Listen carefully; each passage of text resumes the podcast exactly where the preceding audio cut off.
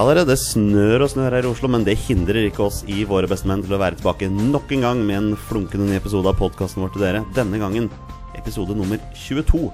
Ja, vi har kommet så langt. Jonny heter jeg, og sitter her i Bestemenn Studios sammen med Petter Hermansen. Du er her som vanlig, Petter. Det er alltid en fryd. Ja, jeg er her, jeg, vet du. Hallo, hallo. Ja, Har du det bra?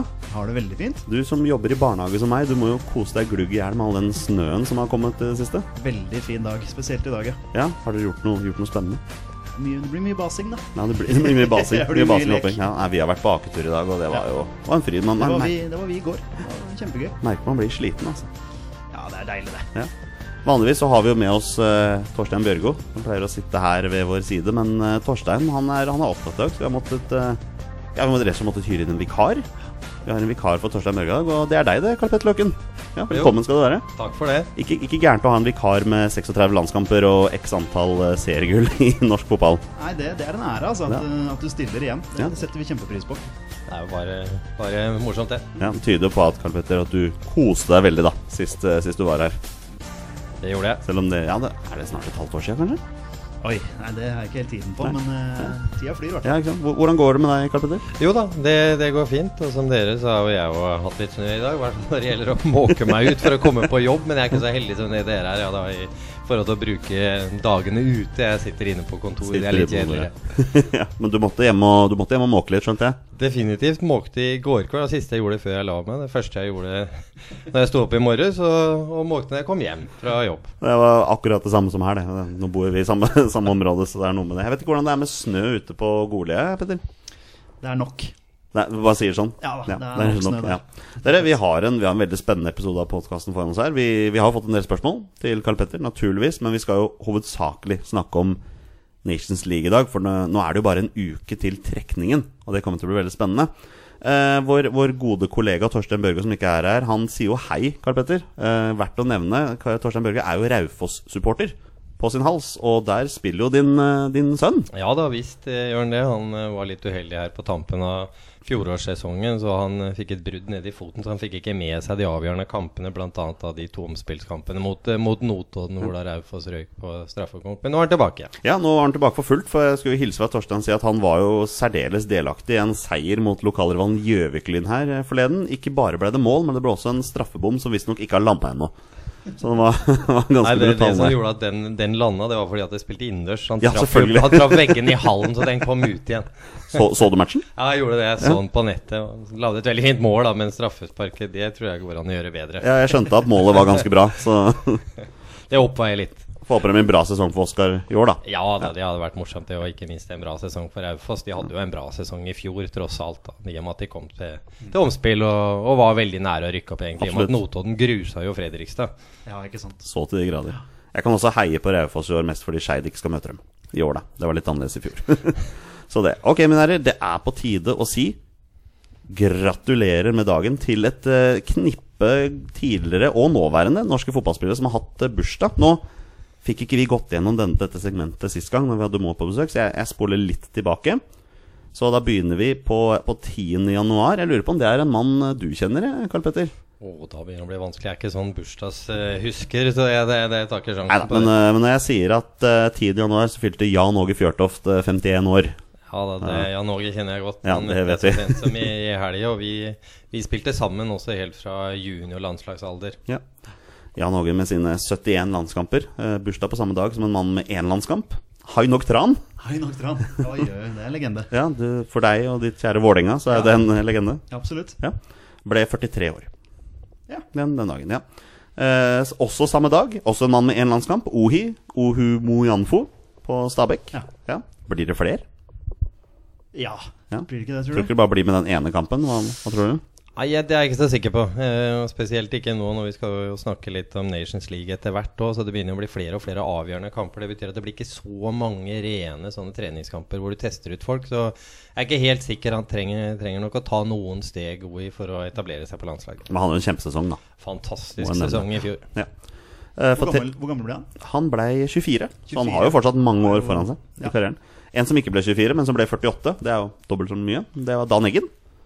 Ja, Hadde bursdag for tre dager siden. Eh, mannen med 25 landskamper, og jeg tror vel ingen av de var kvalikkamper. omtrent? Var det ikke noe sånn? Jeg mener han ikke spilte ja, kvalikkamper han omtrent. Med i mesterskap. Han var, jo, han var jo en av de store overraskelsene når det gjelder uttak til USA-VM i 94. Ja, og, og i 98, tror jeg. Han Ja. var, var vel med da også. Eh, samme dag, eh, mannen med fire landskamper ble 30 år, heter Magnus Lekven. Det vet jo du godt hvem er, eh, Petter. Ja, det vet jeg godt hvem er. Du ser, det er ikke bare landslagslegender i gåsehendene som har bursdag her, skjønner du. Jeg er ikke klar over at han hadde landskamper engang. så- vi kan også nevne for to dager siden. Da fylte Bjarte Lunde Årsheim år. Mannen med tre landskamper ved 43 år. Men vi må jo nevne i går Joshua King. Gratulerer med dagen, Joshua. Ble 26 år i år. 26 år, ja. Ja. Mannen med 31 landskamper og 10 mål. Jeg syns det er bra snitt. jeg. Ja da, det, det er bra, og spesielt hvis du tar i betraktning at det er et landslag som har slitt i den perioden, så er det, så er det veldig bra. Skårer mål hvert tredje kamp i snitt. Jeg syns ikke det er så gærent, altså. Det er ikke ta- gærent for et lag som, som Norge, som tross alt må finne seg og ikke, er ikke blant de aller vasseste, som skårer mål mye hyppigere. Ikke sant?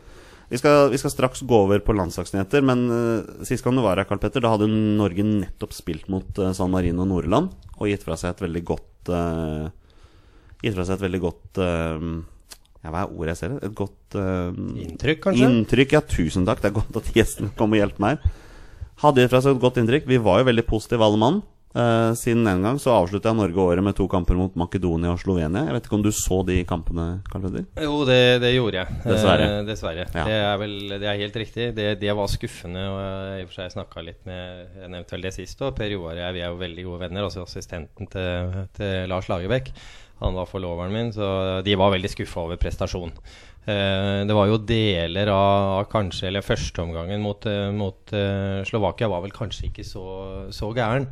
Men, men Makedonia er for dårlig. Når Makedonia er på, på nivå D, da, når vi skal snakke om Nations League etterpå, å tape 2-0 der, det er for dårlig. Og hvis du summerer opp de tre siste år Vi syns jo Nord-Irland-kampen hjemme var bra. Likte jo gutsen og tærne i det norske laget.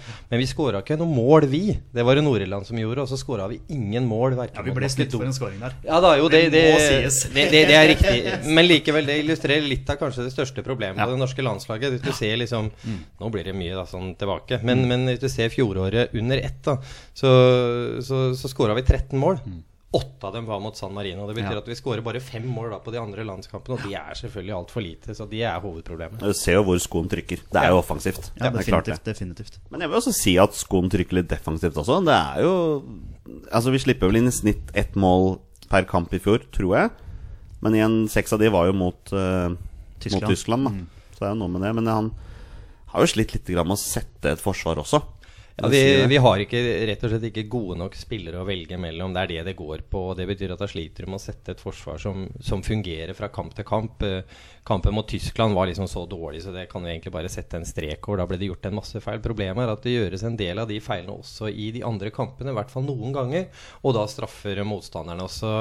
Var en, en av skåringene mot Makedonia var en gjennomløpning sentralt, som selvfølgelig var veldig godt spill. Men det er mulig å lukke det rommet mye, mye før. Og er du landslagsspiller, så må du liksom fange opp de situasjonene i tide, og, og vi sliter litt spesielt sentralt, syns jeg. Ja, og Det 2-0-målet mot Makedonia er jo bare en keepertabbe av Grytebust, så det, det er ikke så mye man får gjort med akkurat den.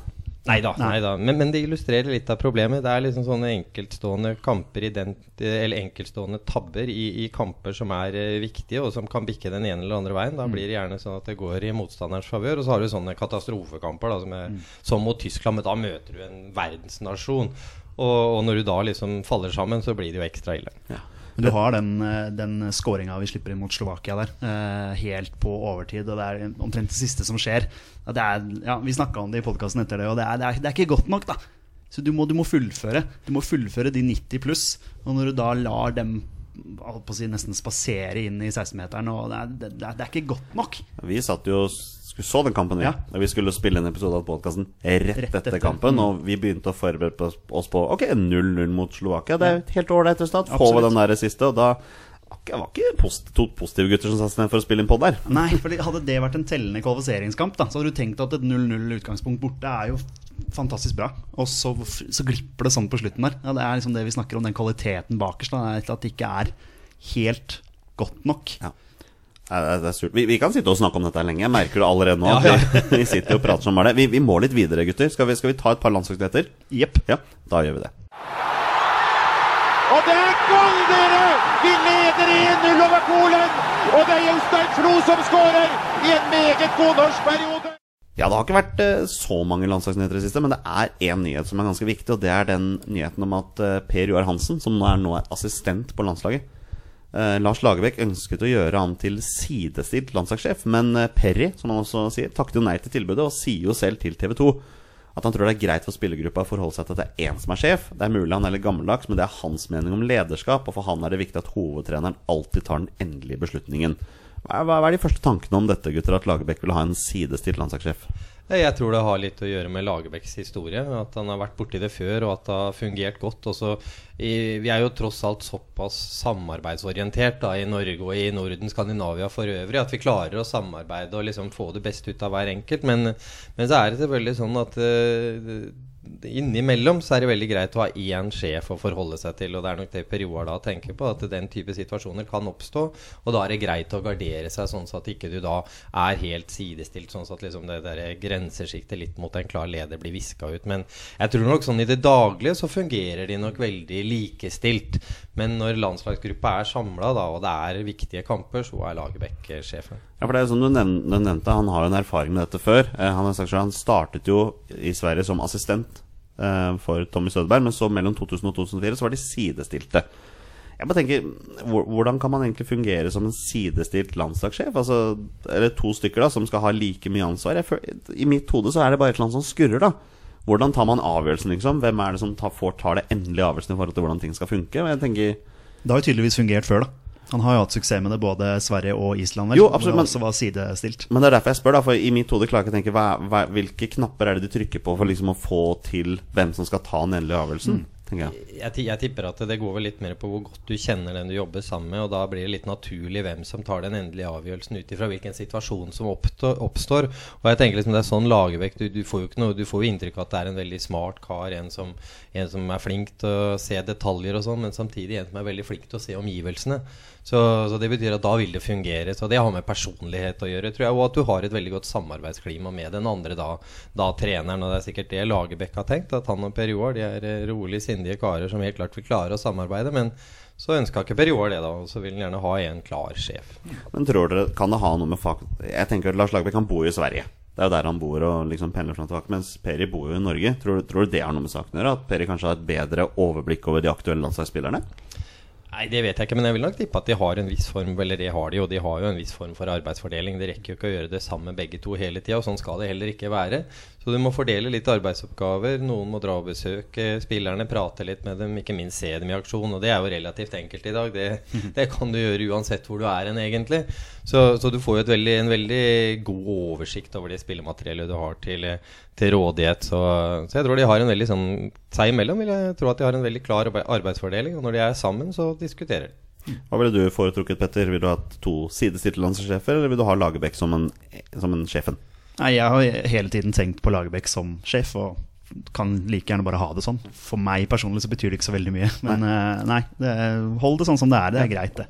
Lagerbäck har jo skrytt av Per Johan Hansen og den mm. jobben han har gjort. Men en ting som jeg reagerer på Han sier at Per Johan Hansen bl.a. har ansvaret for dødballene på landslaget.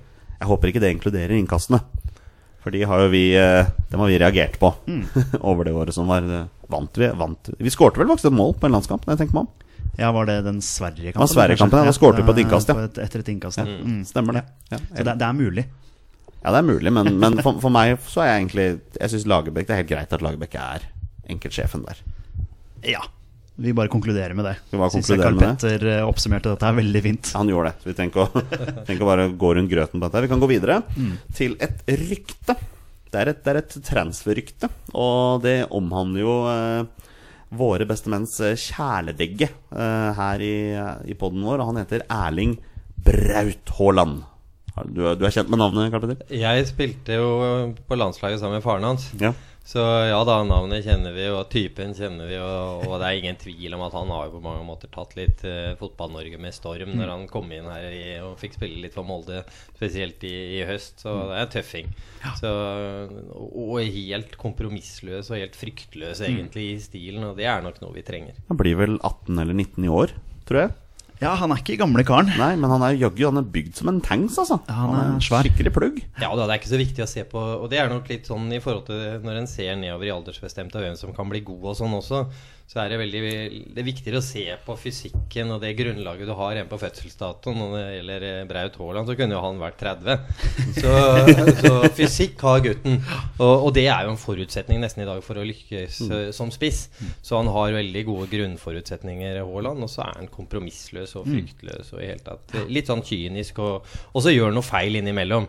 Eh, Det må nok ta med på kjøpet når det er, når det er unggutter. Han har jo hatt noen sånne feilskjær høsten som var den gesten mot Viking. Det er sånn som de ikke gjør. Det er ikke noe smart. Så for all del, jeg skjønner fristelsen, men vi får sette det på kontoen at han ikke er Han er jo knapt noe gammelt av sertifikat, så Dommelig pågangsmot, er det det Ja sier? da, og det er fint. Det må vi ta med oss, og vi liker personlighet. Ja, for der er det jo den Bryne-Viking-linken som gjorde at han eh, hadde en liten det er mulig at vikingsupporterne bua litt på han, da, fordi han er, Bryne, han er vel Bryne-gutt. Han er Bryne-gutt, Så akkurat da- som faren. Og så er det liksom noe med når du får den scoringen da, og spontant eh, får en reaksjon det, ja, Vi får ta den av han, Det er greit, men det er som du sier, det, du, du lærer av det. Det er nok ikke det lureste han har gjort. Men eh, du som har spilt med faren, var han like fysisk sterk? Ja, han var veldig hurtig. Ja. Mm. veldig, veldig hurtig Men han hadde nok ikke så voldsom fysikk. Men han klarte seg og spilte jo i England. Ja. Og ja, alle husker jo taklinga til Roy Keane. Det er vel noe av det styggeste noensinne. Han skulle vært satt inn, og skulle sitte inn enda. ja, Ja, ja, med all respekt for det, det mener jeg faktisk. Den type taklinger på fotballbane, det er, da kan du like å bli satt inn. Ja. Det kan du like godt fengsles for, for han ødela jo Ja. Alf Inge Haaland. Eh, og skada han skikkelig med vilje. Og det er greit, det kan gå ei kule varmt på fotballbanen og være litt uheldig og komme litt seint inn i takling, men det der var ikke seint inn. Nei. Nei da. gjør han det bevisst Ja, for ja, ja. skaden, og jeg mener at det er straffbart. Hadde gjort det ute blant folk ellers, så hadde det blitt satt inn. Jeg er helt enig. Vi, hadde jo, vi spilte jo en pod med Erland Johnsen uh, ikke så lenge etter at du var her. Han mente jo at uh, Jeg tror ikke folk var klar over hvor sterk uh, Alfinge egentlig var. Han var visst ganske robust, altså. Å ja, ja, ja, ja for ifølge. Erland. Han hadde bra grunnfysikk, eh, Alf Inge, og veldig hurtig i tillegg. Og, og det må du være, skal du klare deg borte i England. Ikke sant? Men eh, tilbake til ryktet, da. For Ja. vi kom jo ikke så langt. Nei! Hvor, hvor, hvor er han linka, satt Du- jeg tenkte nå. Erling Braut Haaland, dette, dette er litt sånn tynt, altså, Ja, men det er da en italiensk eh, transfer-Twitter-konto som linker han til Juventus.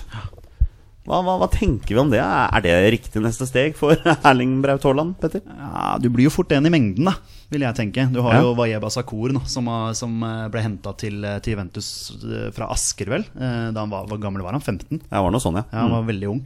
Eh, og har vel ikke spilt for Juventus. Han har vel egentlig bare blitt kasta til bl.a. Vålinga Nå er han jo i IFK Göteborg og har signert permanent der. Så jeg tenker liksom at eh, Juventus består av da, si 50-60 spillere, da, hvor du har en del sånne unggutter som, som aldri kommer til å få en sjanse på, på A-laget. Så jeg vil lure på om liksom det er liksom neste steg for han. Om, det, om han først skal kanskje konsentrere seg om å etablere seg i Eliteserien, da, og så ta et litt mindre steg derfra, Ja. ville jeg tenkt. Hva tenker du, Karl Peder? Jeg, jeg, jeg er helt enig. Og nå kan jo, med Apropos ja, hva Jeba Sakur, så har jo han fysikken til felles med Braut Haaland. Ja, han var jo veldig tidlig robust. Eh, men hadde kanskje litt sånn begrensninger likevel, i hvert fall i forhold til det nivået. Jeg er helt enig, det er for tidlig. Juventus er en av de virkelig store klubbene, og da blir du igjen i køen. Ja, det blir det. Uh, så han trenger å ta et, et steg et annet sted. Men når det er sagt, det kan jo gi gutten en ekstra boost og si at det nå er Oi, Juventus er interessert. Det inspirerer ytterligere til å bli bedre. Så jeg håper han har tålmodighet til å være der han er, i hvert fall én sesong til. Og så kan han jo ta noen sånne gradvise steg. Men uansett tenker jeg så er ikke Juventus et nat naturlig neste steg for Braut Haaland. Med all respekt for gutten. Så god er han ikke. Så, Ikke ennå, i hvert fall. Ikke enda, men det kan bli. Nei, men Kan sant, bli. Nå har jo Molde solgt uh, Sigurdarsson. Helt riktig. Sant? Og da åpner det seg muligens uh, for mer spilletid da, for Braut eh, Haaland. Men tror du at Solskjær, som har uh, medalje- og gullambisjoner da, i Molde, tror du han tør å satse på Erling Braut Haaland da, som, som frontmannen i det angrepet? Hva tenker dere? Eh, Det er et godt tror- spørsmål. Ja. Ja, ja, det er jo selvfølgelig. Jeg er helt enig i det. Men, men, men det, han kommer jo til å slippe den til oftere. Og, og det jeg tipper, er at gjennom vinteren så kommer han til å få spille mye. Eh, nettopp for å teste den veldig ofte, se hvor mye han tåler. Og så, men, men det å stole på at han skal bli liksom en, en, eh, en erstatning av Sigurd Larsson som gikk, det, det gjør han ikke. For så stabil kommer han ikke til å bli. Eh, med mindre det skjer noe helt ekstraordinært. Og noen ganger gjør det jo det, men, men det tviler jeg nok på. Så må gi gutten tid. Det er litt sånn Martin Ødegaard eh, sammenligning, gjerne. Bare at alle forventa for mye av Martin Ødegaard for tidlig. Han er jo ung enda. Det skal vi ikke glemme. Så la de gutta få litt tid, men la dem få utvikle seg på de rette arenaene, tenker jeg sånn framover. Så blir det veldig bra. Så ser du hvor god Ødegaard faktisk har vært i Nederland i år. Viser Absolutt. jo pro på hvor god han faktisk kan bli. Ødegaard blir en klassespiller. Og, og så, så har Nederland vært et sånt ok neste steg for Martin Ødegaard også. For Nederlands fotball ligger langt nede for øyeblikket. Spesielt klubbfotballen er ikke så bra som han var. Så det er veld, et veldig fint passende nivå. Da får Martin Ødegaard faktisk mulighet til å briljere litt. Det hadde han ikke gjort i Frankrike, ikke i Italia, ikke i Spania, hvor han i og for seg var. Og definitivt ikke i England. Da hadde det blitt håpløst. Det er altfor fysisk. Så kan ta steg for steg, så blir det der veldig bra. Da konkluderer vi med at uh, vi syns det er kult, men vi vil gjerne at han blir i, i Molde en stund. Det er en bra konklusjon. Ja, vi, vi, vi går videre der. Nå skal vi ta noen spørsmål til Karl Petter. Klar for det? Ja. Ja, da kjører vi på. Og det, vi leder med 1-0. Vi leder med 1-0 over Kjetil Rekdal skårer. Vi har jo annonsert at Carl Petter Løken skulle være vikar i gåsehudene for oss i dag, så vi har fått noen spørsmål. Men jeg har lyst til å begynne med et spørsmål fra meg. Veldig enkelt, Carl Petter. Hva er dine forventninger til landslagsåret 2018? Eh, Jeg forventer at vi ser progresjon. Det er liksom det jeg tror vi skal se til. Det å få sånne fan eh, oppnå fantastiske resultater mot de aller beste. Hvis vi nå skulle møte noen av dem, det gjør vi ikke. Vi er ikke der enda, men vi må se noen steg. Vi må se at vi får et forsvar som fungerer, at laget fungerer defensivt, og at vi klarer å skape litt mer. Det er det vi må se etter. Og så tipper jeg vi vil se et norsk lag som blir mye mer direkte, spesielt i forhold til de to siste treningskampene i fjor, for de var ikke bra. Det var masse balltap på egen halvdel. Det var så mye tull og tøys. Og vakkert å kjenne igjen fra den prestasjonen mot Nord-Irland, hvor vi da vant. Vi skåra jo ikke mål sjøl i den kampen, men vi vant fortjent 1-0 etter at det var en veldig god laginnsats. Så jeg håper at vi klarer å bygge på det vi så i den kampen. Da kan vi se et Norge som vi kommer til å like. Ja, det er, jo egentlig ikke mye mer å si rundt det. Jeg håper også vi får se mye Norge mer direkte, men det er mest fordi jeg tror det er, det er sånn vi er bygget. Det er det, det er det spillestallen er til. Vi må være mer offensive. Eller være mer direkte i spillestilen. Absolutt. Det blir spennende å se hvem som blir makker til Joshua King på topp i år. Det blir ikke Erling Braut Haaland, dessverre. Men eh, Sørloth. ja, det, vi tror vel for så vidt det. men det blir spennende å se nå hvor Alexander Sørlund havner. Det er jo, han sier jo sjøl at nå skal han forsvinne fra Frankrike. Ja, nå så jeg til og med Vålerenga hadde forhørt seg. Så nå, De har det, ja? Ja. Så nå, ja. Så lar vi den bare henge litt i luften. Nei, jeg har lyst til å gå litt rundt på den. Hva syns du om uh, ryktet Sørlund til Vålerenga, Petter? Nei, jeg vet ikke. Jeg er litt sånn lei av at Vålerenga henter sånne avdanka utenlandsproffer. Skal jeg være helt ærlig. Ja. Det, ikke noe imot Søderlund sånn. Du skal ikke ta ham på arbeidsinnsats. Eh, når han er på landslaget, også sier han alltid 100% og går i dueller. og han skårer ikke mål. Han ville sikkert skåret en del mål i Eliteserien. Sannsynligvis, da, men for meg så er det en gambling. Og det, ja. Jeg syns Vålerenga har gått på sånne smeller før. Ja, det har vært noen Rosenborg-rykter inne i bildet der òg. Rosenborg, Vålerenga, Brann er de som er eh, Brann, ja. mm, Stemmer det. som har kommet fram. Brann har vært gøy. Ja, det er jo eh, gøy å få, eventuelt få han. Det vi har snakket om er med Søderlund, er jo det at han må jo få spilletid. Det er jo det som er, som er viktig hvis han skal være på landslaget. Eh, og han har jo selv sagt at han, eh, at han har åpna for å gi seg på landslaget, da, for å få yngre, at yngre krefter skal få, få slippe til. Han er vel 31 år nå, tror jeg. Så Ja, det er noe sånn, ja. begynner Ja. å dra på åra. Ja. Nei, men da, da konkluderer vi. vi, vi Sørlund kan si takk for seg, og Erling Braut Haaland kan komme inn. Ok, ja. Eh, Nytt spørsmål til Carl Karl Petter. Det kommer fra en fast lytter av oss. Eh, nok en gang, jeg skal prøve å uttale navnet riktig. Sedenek Soposek. Jeg er sikker på at dere er der. Eh, tør og bør Lars Lagerbäck hente inn flere yngre spillere fra U21 til Nations League starter? Tenker du det, Karl Eh, Petter? på generell basis vil jeg si nei. Nei, ok. Eh, Det er bortsett fra én som jeg tenker at vi nå kan slippe til litt. Og det hadde jeg tenkt å komme litt tilbake til seinere, men jeg Ja. kan jo ta det nå. Martin Ødegaard tenker jeg vi må slippe til litt. Mhm. Eh, og så har du selvfølgelig noen andre også, men, men, men det er liksom ikke det er ikke så bra det som kommer under, at du kan slippe til for mange på en gang. Og, og laget er ikke så godt heller. Vi har liksom ikke en fast stamme med bærebjelker som vil kunne dra det lasset. Da skal du liksom legge din li, sette din lit til at de yngre skal være med på å dra det lasset i veldig stor grad, og sånn fungerer ikke. Så gode er ikke de unggutta som kommer opp. Men kan godt slippe til én eller to eller noe sånt, men noe mye mer enn det har jeg ikke noe tro på. Nei, Men Hvor, eh, hvor plasserer du Martin Ødegaard i Lagerbäck sin 4-4-2? På kant. På kant? Ja. Det er, eh, og du spiller jo med Leonossi, Mohammed Elionossi på den ene kanten, så da får, eh, da får Martin få prøve seg på den andre. Men tror du, Føler du det er riktig bruk av Martin Ødegaard i 4-4-2? Ja, jeg tenker det. Eh, Jeg tror han blir veldig Og det er det som har vært litt av problemet til Martin nå i, de, i noen av de kampene, i hvert fall tidligere, hvor han blir plassert sentralt i banen mot gode, robuste lag. At han blir spist opp litt foreløpig. Fordi at han er liksom ikke god nok. Og så blir det sånn at da blir, da blir han litt defensiv i hodet, og så kommer han helt ned på egen halvdel for å hente. Og det er ikke noe vits i. Eh, Den type fotball, det, det er ikke, sånn er ikke Norge. Norge kan ikke spille sånn. Nei. Martin Ødegaard kan kanskje spille sånn, men ikke det norske landslaget. Da må du ha kanter som er etablerte, og du bruker som kanter. Og jeg tenker han kan få litt rom ute på den ene kanten. Da vil han kunne blomstre litt, i hvert fall, og ta noen steg videre. Så svaret på spørsmålet er nei, men én mann kan Ja. få komme opp. Ja. Så ikke Morten Thorsby. Nei, jeg, jeg, jeg ser liksom ikke at han er der riktig enda. Han har jo vært bra i Nederland, var bra i Stabæk før han dro til Nederland. Men, men jeg ser liksom Ja, det kan bli, men foreløpig mener jeg at han har litt igjen. Men eh, det er jo en annen mann da som spiller fast på U21, som vi har vært innom. En viss midtstopper. Spiller i Celtic. Du vet hvem jeg snakker om, Petter? Kristoffer Ayer. Ja. Du tror ikke det er en mann? Jo, det, det, det kan det nok òg være, men så tenker jeg òg der må vi spille med Nordtveit nå. Nå synes jeg Det skal Nordtveit ha. Jeg syns han spilte seg inn egentlig i fjor høst, spesielt som stopper på det norske landslaget. Og så tenker jeg, Skal du velge én ved siden av han, og så har du en Reginiussen som hadde en veldig god sesong i Rosenborg i fjor. Ble jo til og med årets spiller. Og jeg ville ha valgt han. Men Ayer, definitivt. Han kan òg få noen muligheter. Men liksom det også, hvorfor skal du flytte han opp permanent nå? Så bra er han tross alt ikke. Skotsk klubbfotball er ikke bedre enn norsk. Eh, Celtic kanskje bedre enn en Rosenborg. Det var det jo i og for seg også i de to kvalifiseringskampene hvor de, hvor de møttes. Så var Celtic bedre enn Rosenborg over to kamper. Men, men det er liksom Det er et stykke derfra og hvis du skal spille mot Tyskland.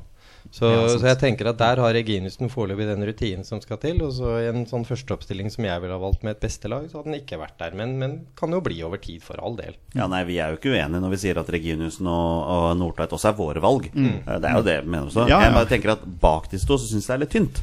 Ja. Jeg syns ikke Jørgen Skjelvik hadde et spesielt godt landslagsår. Jeg syns ikke Gustav Valsvik har tatt de sjansene han har fått, heller. Nei. Så det er jo spørsmålet om kanskje Ayer skulle bli en slags utfordrer, da. Ja, Så blir det spennende med, med Rosted nå, da, som har gått til belgisk fotball. Om han tar ytterligere steg. Sant? Han har jo vært med i tropper, men ikke fått debuten sin enda. Om det kanskje er han som er nestemann inn, da, bak da eh, Reginiussen og Nordtveit. Som jeg også mener er, bør være det faste midtstopperparet vårt. Jeg er helt enig. Det er de, de andre som er nevnt der, eh, Valsvik og, og, eh, og Skjelvik. Skjelvik. Ingen av de er i nærheten, for å være helt ærlig. De, de skorter på veldig mye. Skjelvik har jo blitt avslørt på, på veldig mye. Han har en veldig god fart, men hvis det skjer ting rundt den fort, så holder det ikke. Så, så der er det plass til, til et par andre. Og, og Ayer kan være en av dem som da står litt eh, Som er bak til Nordtveit og Reginiussen i køen. Og Nå har jo Skjelvik søkt lykken i USA, i Ja. Los Angeles. Så Vi får se hvordan det Det går. blir spennende å se. Ser ikke helt overbevist ut der. eh, Nei det, nei, det er jeg ikke, men det betyr òg at du vinker litt farvel til, til å spille på det norske landslaget. Ja, du synes syns det, ja? Ja, Ja. Det, det er min mening. Det er ikke veldig mange som Du så når Ola Kamara fikk sjansen, som har vært bra der borte. Men eh, jeg tror ikke det generelle nivået er, er godt nok. Nei. Nei, det er en ærlig sak, det. Ja. Mm. Vi har også fått spørsmål fra, fra Twitter-kontoen til Sleivdal. Sleivdal IL Official. Den er litt morsom. Kjenner du til Sleivdal? Boeing og Sleivdal? Vet du? Nei, jeg gjør ikke det. Nei, nei. nei, Det er en gammel tegneserie, Ja. må man si det sånn. Ja, det vet jeg jo. Ja. Eh, Sleivdal har to spørsmål, og det er først et litt personlig spørsmål til deg. Eh, Hvem er den tredje tøffeste midtstopperen du spilte mot i Tippeligaen etter Bjerkeland og Bjarmann?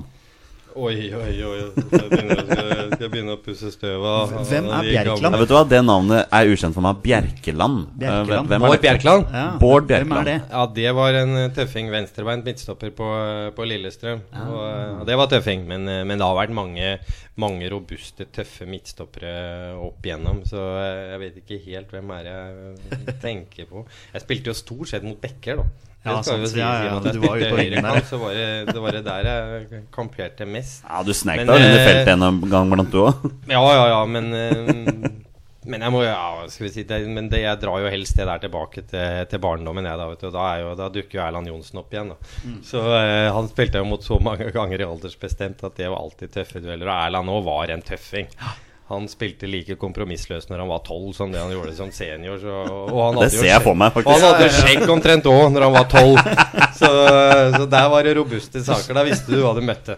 Han er jo en granittblokk. Ja, han er, jeg, jeg ser for meg at Hvis han fortsatt spiller noe et eller annet eh, på hobbybasis, eller noe, så tror jeg han fortsatt er ganske knallhard. Ja, Vi har nettopp spilt inn Podman, og det var en fryd, men å ta han i hånda, det var jo Knuste hånda mi nesten. om brenning. Ja, en fin type. Ja, Ja, veldig herlig, herlig. Eh, hans andre spørsmål er Hvis Lars Lagerbäck tvinger deg, Karl Petter, til å ta jobben hans, hva blir din førsteelver mot Australia? Som da er eh, første kamp i året. Den spilles jo i slutten av mars. Mm. Ja. Ja, da får vi ta for gitt at jeg får velge på øverste hylle. Da, at Ja, det vil jeg er- tro. alle er- ja, men da tenker jeg på at alle, alle er klare, at det ikke er noen skader. Men da må det bli Jarstein i mål. Selvfølgelig. Det er ikke Ja. noe tvil om. Og så har vi allerede vært innom midtstopperparet. Det må bli Nordtveit og Reginiussen. Og bekkene der på høyre bekk er jo litt sånn diskusjon, kanskje, men der ville jeg ha valgt Jonas Svensson. Ja. Eh, det ville jeg. Venstre bekk, der mener jeg du har en av de du kan sette litt sånn stjerne ved, som kan bli veldig, veldig bra. Eh, Birger Meling har et voldsomt potensial og, og er smart og, og har det aller, aller meste, etter min mening. Og så har jeg jo snakka litt om hvem jeg ville ha valgt på, på kantene. Mohamed Elionossi er selvskreven. Og, og så ville jeg ha valgt Martin Ødegaard på, på den andre. ja. Eh, inne sentralt òg, så er det en jeg setter en stjerne ved, som virkelig kan bli eh, vår bærebjelke nummer én, kanskje, på landslaget i ti år framover. Jeg tror jeg vet hvem du snakker om, for å si det sånn. Det er Sander Berge. Ja. Eh, og, og den andre på midten er ikke like selvskreven, men eh, det er ikke så veldig mange som spiller fast ute i, ute i Europa av de vi har å velge mellom, men én mann gjør det stort sett hver gang. Og det er Stefan Johansen. Og han har òg det lille Han har tæl og guts og sånn, men jeg syns, syns Skal jeg være helt ærlig, syns jeg Stefan Johansen var mer dominant på landslaget for noen år tilbake. Jeg husker bl.a. en bortelandskamp i Sverige hvor han var helt fenomenal. Egentlig. Han var over hele banen. Og, og så tenkte jeg, hvor, hvor har du lagt igjen det hen? Eh, for der er han ikke helt lenger, men, men definitivt en, en spiller å, å ha i en førsteelver, syns jeg. Også på topp så er én mann er jo helt, eh, helt selvskreven, selvfølgelig. Joshua King. Og så ville jeg jo, som dere, ha valgt Sørloth. Ja.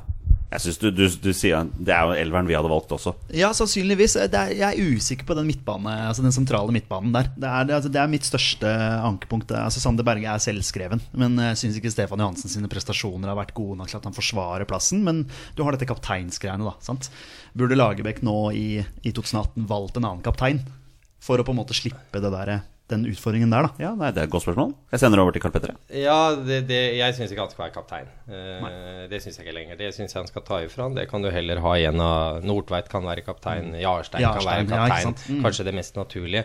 Apropos Jarstein, det er jo litt eh, interessant. Eh, ikke nødvendigvis han, for han er god og står fast i Hertha Berlin. Men du har en annen fremdeles, vet du, som spiller i Hertha Berlin, og som spiller sentralt på midten, og som spiller i Bundesliga. Vi har egentlig ingen sentrale midtbanespillere da, foruten Ja, Sander Berge gjør heller ikke det. Spiller jo ikke en av de store ligaene, han heller, men det gjør jo faktisk Skjelbred. Ja, han får liksom aldri fått spille inne sentralt på midten. Så kan det nok hende at det Sander Berge og Skjelbred eksempelvis, de to sammen hadde blitt vel defensivt. Det er jo Skjelbred har vel har vel ikke vært i nærheten av å skåre mål for Hertha Berlin enda, kanskje. Så, så det blir jo ikke veldig mye mål av det. Men, men, men det er litt interessant. Han har jo takka nei til landslaget, men det var jo først og fremst fordi at han ble, bruk, ble brukt på, Ja, på kanten, var kaptein og ble malplassert og ble etter hvert så, så Han ble en slags syndebukk, ja, hvis du kan kalle det det. altså. Og egentlig helt feil, for Ja, det var jo ikke der er han skulle ha spilt. Absolutt, det er helt Så, enig. så det hadde jo kanskje Men Det hadde vært er interessant altså, å sette Ja han sentralt sammen Men- med Sander Berge. Ja, du har en det. løpskraft. Altså, Sander Berge han han tar jo disse lange klyvene sine. Eh, Men på en litt annen måte. Skjelbred eh, liksom mer sånn boks til boks, kanskje. Løpe fra begge retninger. Og Mm. Sander Berge kan strø litt. Og, nei, det hadde vært spennende, altså. Så det du sier, Karl Petter, er at hvis du hadde vært landslagssjef, så hadde du børstet støv av Per Siljan Skjelbred og satt den inn på laget? Ja, kanskje. Jeg ville i hvert fall ha tatt en telefon og så, og så spurt litt eh, om han er motivert frem til eventuelt du får en annen som du føler har tatt steget opp og du kan bruke. For, for det er jo ingen, ingen andre norske midtbanespillere som spiller på så høyt nivå til daglig. Det er ikke. Jeg skulle likt å tappet inn på den telefonsamtalen og hørt den samtalen mellom Ja. Per Siljan og Karl Petter. Men du snakker om midtbanen. Hva, altså det er jo utfordrere her. Du har Ole Selnes, du har Markus Henriksen. Altså Anders Tronsen på Ronsenborg Rosenborg har vært inn der. Men, men dette er ikke spillet du ser er aktuell akkurat nå? Eh, jo, Tronsen har jeg notert ned som det neste på lista, egentlig. Ja. Uh, og Tronsen må, må vi ha i kikkerten. Han har bra, bra fysikk, eh, bra tempo, et veldig fint venstrebein, bra skudd. Kan finne på å skåre noen mål innimellom. Så, så han er, eh, er en mulig kandidat inne sentralt på, på midten, men, men kanskje ikke riktig ennå. Nei, men hva med Selnes og Markus Henriksen? Nei, Selnes, der syns jeg det går for treigt. Jeg syns ja. han ble litt eh, avslørt i de når han fikk sjansen igjen sånn helt på tampen av sesongen. Ja, Han har selvfølgelig vært ute av landslaget i en periode i og med at han fikk den karantenen som han gjorde. Men jeg syns ikke prestasjonen der er, er, god nok. Når det gjelder Markus Henriksen, så var jo han veldig bra og var fremadstormende egentlig lenge. Men nå er han stort sett reserve i høll, dessverre. Ja. Så han spiller altfor lite, og det er på det nest, nest øverste nivået i England for en klubb som, som sliter. Ja. Ligger langt nede, høll. Mm. Så, så, det er liksom ikke godt nok. Men, men for all del, Markus Henriksen har jo den egenskapen at han kan finne på å skåre mål. Og vi trenger jo den type mm. spillere på generell basis. Men, men, i og med at han ikke spiller fast, så, så syns jeg det er for mye gambling å sette den inn. Mm. Hva syns du Petter om Carl eh, Petters forslag til første elver her mot Australia? Jeg er, eh, jeg er helt enig. Uh, og usikker på den som sagt den sentrale midtbanen uh, med Stefan Johansen. Men jeg, jeg, jeg, er med på argumentasjonene med mm. at han spiller så å si fast for Fulham og gjør det jo ganske bra. Uh, ja, jeg er litt usikker på den. Altså. Det, det, er det eneste. Men ellers så syns jeg Forsvaret egentlig sier seg selv. Før så ville det vært Alesami og Omar El Abdelawi. Men nå har jo, syns jeg også at Svensson og, og Birger Melinga har, gått litt forbi dem, faktisk. Mm, ja. Selv om Omar da spiller på et ganske høyt nivå. Er med i Champions League, er han ikke den for eh, Eller kanskje ikke gått videre, men eh, Han spilte her i hvert fall. Ja, ikke sant? Ja. Så han har jo vært, eh, vært ganske høyt oppe der. Alesami, han roter han bort i Serie B. Han er fortsatt i Serie B, ja. ja, ja. Nei, det, det sårer jo meg da, Karl Petter, som Skeid-gutt, at du vraker Omar Labdolawi og Haitham Al-Hami fra laget ditt. da men, eh, men, det er greit, jeg skal la ham passere, siden du er gjest. Ja, Men du er enig, du òg, er du ikke det? Ja, vi har snakket jeg, om det, at Svensson og Birger Meling nå, de er, de er, litt foran. Jeg er ikke uenig. Nei. Jeg er ikke det. Men, eh, men eh, du nevner ikke Mads Møller Dæhlie? Jo, jeg har han i parentes her, men, men, du kan ikke spille med eksempelvis Ødegaard og Dæhlie samtidig. Det går ikke. Det hadde vært gøy, da. Ja, det, men det mener jeg sånn Ikke på et landslag. Det blir sånn naivt på et landslag. Det kan du gjøre på et klubblag som dominerer og skårer mange mål, så hadde det vært kjempegøy. Ja. For det, de har så mye å bidra med offensivt og, og har et repertoar som veldig få andre, men det blir for veikt. Ja. Dæhlie mot Tyskland, det var Og da spilte han mot Kimmich, som ikke er noe fysisk eh, fenomen. Er, Kimmich er en av de en av de jeg liker aller best. For han kan du sette overalt på banen. Ja. Han er like god. Han er rå, altså. men, men, men, men, der ble jo Dæhlie fullstendig avslørt på det meste. Og ja. da tenker jeg det, det holder ikke. Eh, og du kan ikke, du kan ikke ha for mange som ikke bidrar i fysisk og klarer å ta vinnerdueller i, i et landslag. Det går ikke. Og det vil ikke Lagerbäck ha heller. Nei, det, det er i hvert fall helt sikkert. Hva, hva, tenker du om eh, Jo Inge Berge? Han vil jo spille spiss, han nå. Ja. det er jo det. ja, ikke sant? Har du tatt noen tanker rundt han når du tenkte på dette laget? Eh, nei, egentlig ikke. Nei, nei. Eh, han hadde én fantastisk landskamp mot Kroatia. Som den kommer til å henge ved ham for ja. Det er, det, som er, ja, men det er litt av problemet. ja, eh, for det går ikke an å leve på den. Eh, og så er han selvfølgelig ok. Han, han er bra i perioder, men, men, men, det blir litt for ujevnt. Eh, og i forhold til eksempelvis Mohammed Elionossi, så mener jeg det er ganske stor forskjell på de to. Så så jeg ville ikke ha starta med Bergen. Men jeg sier jo det. Fysikk, mm. kraft. Uh, ikke minst det å kunne vinne dueller, og, og, sikkert en del av det som Lagerbäck setter pris på. Men, men, det er liksom ikke fremtidens mann i mitt uh, hode. Og Nå forlater han jo Malmö, og ett av argumentene hans er fordi han ikke får spille spiss der. Så han vil jo sannsynligvis finne seg en klubb hvor han kan spille spiss også. Og da føler jeg at da er du ikke aktuell for landslaget lenger. Jo Inge Berge er ikke aktuell for landslaget som spiss. Nei, det, det, er jeg helt enig med deg.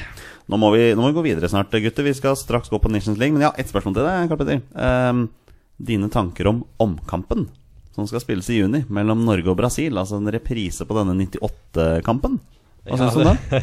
Ja, det var det, da. Nei, jeg, jeg har jo sjøl spilt mot Brasil, Brasil faktisk. Men ja, det var en treningslandskamp tilbake i 1989. Spilte vel 1-1 hjemme på, på Ullevål. Jeg hadde målgivende pasning, og Jan Åge skåra. Så det husker jeg. Det, var ja, det er litt av en hukommelse han sitter med her, altså. Men det var en opplevelse i seg sjøl. Det å få spille mot Brasil er jo ikke alle forunt. Og Brasil er jo en fotballstormakt, så, så det var gøy. Men uh, det blir sikkert morsomt til sommeren også. Men jeg tror tempoet blir litt annerledes. Eh, jeg tror det er en del der som, eh, som, ikke kommer til å være på samme nivå som de var. Så, så opplevelsen kommer sikkert til å bli, bli, bra, men eh, sånn rent sportslig er jeg mer usikker på hva en får ut av det. Men det blir jo show, da. Ja, det er jo, det er jo det Og morsomt at en får det til. Ja, ja, klart det. Det er jo en kamp nesten Alle som er glad i fotball og som levde på den tida, husker jo den kampen. Selvfølgelig så, så sånn sett så er det jo et historisk øyeblikk på mange måter at du da får møte dem igjen. Kommer du til å sitte ringside på Ullevål og se denne matchen? Kalpeter? Det kan jeg ikke garantere. Nei, Det kan vi.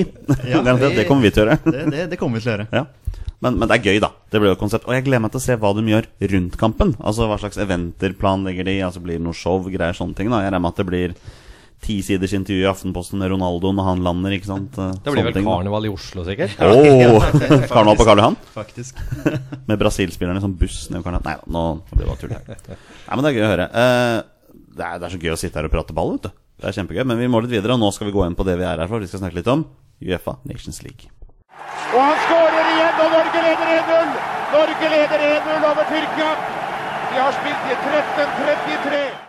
Om, om en uke så er det endelig trekning av dette her nye konseptet til Uefa som kalles for Uefa Nations League. Jeg har gått litt i dybden her for å finne ut av hva dette her faktisk innebærer. Men når jeg titter bort på notatene til Carl Petter her, så ser jeg at det er ikke den eneste som har tatt en grundig vurdering her. Altså, du, du, er, du er på ballen, du også. Ja da, det er jeg, og, og det her er jo eh, spennende. Det er jo en sånn nyvinning og, som vi alle håper skal fungere veldig godt. Og det tror jeg det kommer til å gjøre. Ja, for endelig liksom de, de tørre, kjedelige privatkampene nå, nå blir litt fart rundt det. Nå er det faktisk kamper som betyr noe stort sett hver gang landslaget skal spille. Det må være gøy, Petter. Bare Ja, jeg skriver inn en liten med at Det kom en snøfreser. lyd innpå, vet du. Når det, Jeg kjørte en snøfreser rett og slett. Jeg syns jeg hørte et eller annet i lyden. du hører det inn der. Jeg hører inn her. Du, det første jeg, første jeg tenker, er jo det at eh, vi får flere tellende landskamper. Eh, og for, for meg, eh, som er over gjennomsnittet interessert i landslagsfotball, så betyr jo de fleste landskamper noe for meg. Men eh, nå, nå blir det liksom ekstra. Nå er det noe ekstra å spille for. Eh, så jeg gleder meg veldig til den trekningen. Eh, Ja. Se hvem vi møter. Ja, Det gjør vel du også, Karl Petter? Ja, ja, ja, veldig. Det, det, blir, det blir spennende. Ja. Vi, kan, vi, er, vi må bare gå gjennom hva dette innebærer. Så jeg har skrevet opp, så får dere bare si ifra hvis dere ikke henger med. Eh, Det, det som er greia, er at de 55 medlemslandene i Uefa De vil da bli fordelt i fire divisjoner. Eh, Og det er avhengig av deres pos- posisjon på Uefas nasjonsranking etter den VM-kvalifiseringen som nettopp er ferdig. Eh, De tolv øverste rangerte landene De havner i divisjon A, de tolv neste i divisjon B, de 15 neste i divisjon C, og det er jo der Norge er, dessverre. Og de 16 laveste rangerte da i divisjon D. Eh, I hver divisjon vil landslagene bli delt i fire grupper på enten tre eller fire lag, så hvert lag vil spille fire eller seks kamper i sin gruppe. Det er et eh, standard gruppespill med hjemme- og bortekamper. Eh, Disse kampene skal da spilles i september, oktober og november i år. I øverste divisjon, i divisjon A, så kjemper lagene om å bli såkalt Nations League-mester. De fire gruppevinnerne skal da møtes i et playoff i juni året etter for å kåre en vinner. I divisjon B, C og D så vil gruppevinnerne rykke opp. Det er altså opprykk og nedrykk, mens lagene som ender sist, vil rykke ned. Det er jo naturligvis unntak i divisjon D, da, hvor det, hvor det ikke går an å rykke ned. Henger vi fortsatt med, mine herrer? Ja, ja, ja. Jeg syns du forklarer veldig bra. Så bra, for det er nå det begynner å bli komplisert. For etter Nasjonsligaen så skal det trekkes kvalifiseringsgrupper til EM i 2020. Og det blir jo et heidundrende mesterskap som skal spilles i 13 forskjellige byer eller sånn rundt om i hele Europa. Eh, Dette blir, den kvaliken blir et sånn standardoppsett som vi er vant til. Da er det ti grupper på enten fem eller seks lag, og de to beste lagene i hver gruppe vil kvalifisere seg for EM i 2020. Eh, EM-kvalifiseringen eh, foregår da fra mars til november i 2019. Det vil altså si at samtlige kvalikkamper er i løpet av ett år istedenfor to som det har vært tidligere. Er det greit? Tenker vi at det er ålreit? Jeg, jeg syns det er kjempebra. og Hvis du ser på det kampoppsettet òg, så er det veldig konsentrert på høsten. Så du får jo veldig mange viktige landskamper da på, på høsten i, i 2019, og det, det blir veldig bra. Ja.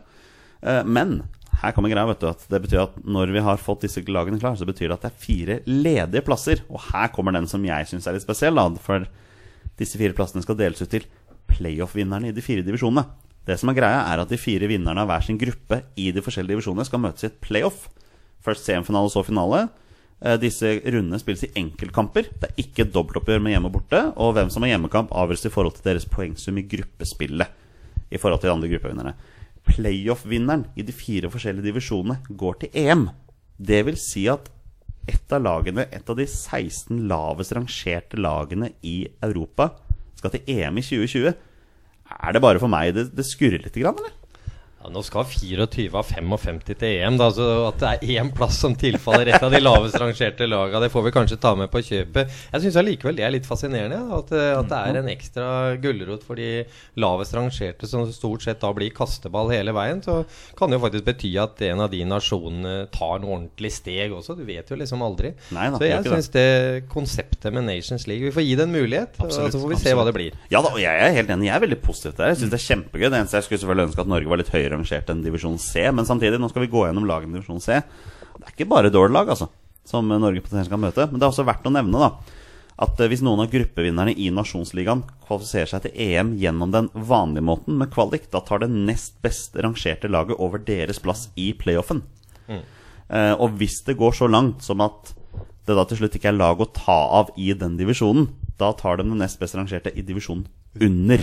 Så jeg, gleder, jeg er glad jeg ikke sitter på kontoret til Uefa når de skal prøve å gjøre og trekke hvem som skal møtes der og sånn, da. Men jeg kjenner, bare når du sitter og prater om det, at jeg gleder meg skikkelig til det. Ja. Bare å komme i gang med det. Jeg tror det blir kult, jeg. Men jeg tror det blir bra. eh, disse playoff-kampene da De skal spilles i mars 2020. Altså bare få måneder før mesterskapet Mm. begynner. Så det blir, det blir ikke mye tid for eventuelle playoff-vinnere å forberede seg på.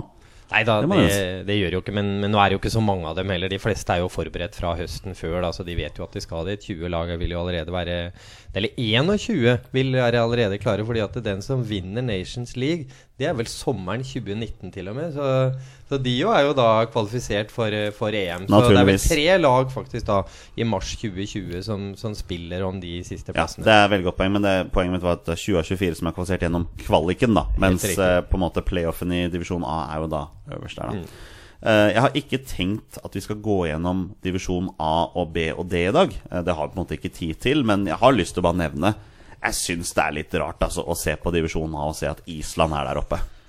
Blant de tolv best rangerte lagene i Europa. Når du ser ja, Carl Petter, Hvilke nasjoner har vi egentlig der? Vi har jo stornasjoner, vet du. Ja, det, det er helt spinnvilt, egentlig, at Island er, eh, er blant de tolv best rangerte. Det er en, en fantastisk prestasjon. Det er jo det laget med færrest innbyggere som noen gang har, har nådd et VM. Når da Island skal til, til Russland til sommeren og, og spille fotball-VM. Så det er jo en kjempeprestasjon. Det er jo, det er jo smått utrolig. Men de må jo være en klar nedrykksfavoritt da i, i sin gruppe. Det er morsomt å si en nedrykksfavoritt over landslag. Det er, noe, det er noe rart der, altså. Ja, men skal ikke undervurdere Island. Nei, det Aldri har vi jo lært oss Island. Det har vi lært oss de siste åra. Skal, skal, vi- skal vi ta en titt på lagene vi potensielt kan møte? Og så skal vi gå litt inn på hva våre følgere eh, Hvem de har bestemt som er sendfavoritter. Så kan vi prøve å rangere hvem vi vil helst vil møte. Eh, det, det øverst rangerte laget i divisjon C, nummer én i pott én, det er Ungarn. De ligger på 53.-plass eh, på Fifa-rankingen. Hadde et ålreit EM for halvannet år siden. Da gikk de faktisk videre fra gruppa. Eh, Slo Østerrike 2-0, hadde uavgjort mot Island og Portugal. Spesielt den Portugal-kampen var jo spinnvill. Da ble det 3-3. 3-3, eller noe ja. Mm, Før de da røk 4-0 mot Belgia i sluttspillet. Eh, Hadde en tøff kvalikgruppe nå til VM med Portugal og Sveits, og da var de aldri i nærheten, fordi lagene var jo såpass dominerende. De endte hele 14 poeng bak, og de tapte. De presterte bl.a. å tape mot Andorra i Andorra. Og spilte uavgjort mot Færøyene, så man kan si at Ungarn strever lite grann. Eh, sist gang de spilte landskamp, så tapte de 2-1 mot Luxembourg. Ja. Ja. Hva, ikke sant? Hva, hva er det første vi tenker her? Det må jo være en drø ønskemotstander. ja, det var det, sist, det var det sist gang vi møtte dem òg. Ja, det er for så vidt For å si det sånn. Da var det også en ønskemotstander, og vi husker hvordan det gikk. Men, men det er jo ingen tvil om at Ungarn har, Ungarn har hatt en dalende tendens. Så ja, jeg, jeg ville gjerne ha trukket Ungarn. Ja. Er det litt for revansj òg? Ja, det er Ja, det også, Ja, men, sånn. men, men at det er et, et lag med Nå har jeg ikke sett på lagoppstillinga til Ungarn de, de siste kampene, men det var liksom nesten et aldrende lag litt for noen år siden. Og jeg er veldig usikker på om de har klart den fornyelsesprosessen, eller er vel resultatene tyder på at de ikke har klart det. Så, så ja, helst Ungarn, tror jeg, fra, fra den første gruppen der. Ja, Vi skal ikke si for sikker for det, altså, for det, vi har noen andre lager òg. Men det som er nest høyest rangert, det er Romania.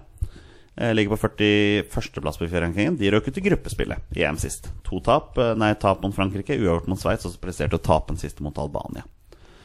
Endte på fjerdeplass i VM-kvalgruppa si og sparket treneren da, etter åtte av ti kamper. Så de, de sliter litt der også, men de har jo stort sett spillere i ålreite klubber.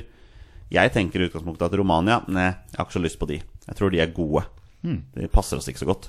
Er jo også mer, mye mer uforutsigbare enn hva Ungarn er, og et lag du faktisk kan bli utspilt av hvis de virkelig får flyt. Så nei, jeg ville ikke hatt, uh, hatt Romania. Men uh, hva med det tredje rangerte laget? Da har vi Skottland. De er såpass høyt oppe som 32., men de har ikke vært i mesterskap siden 98.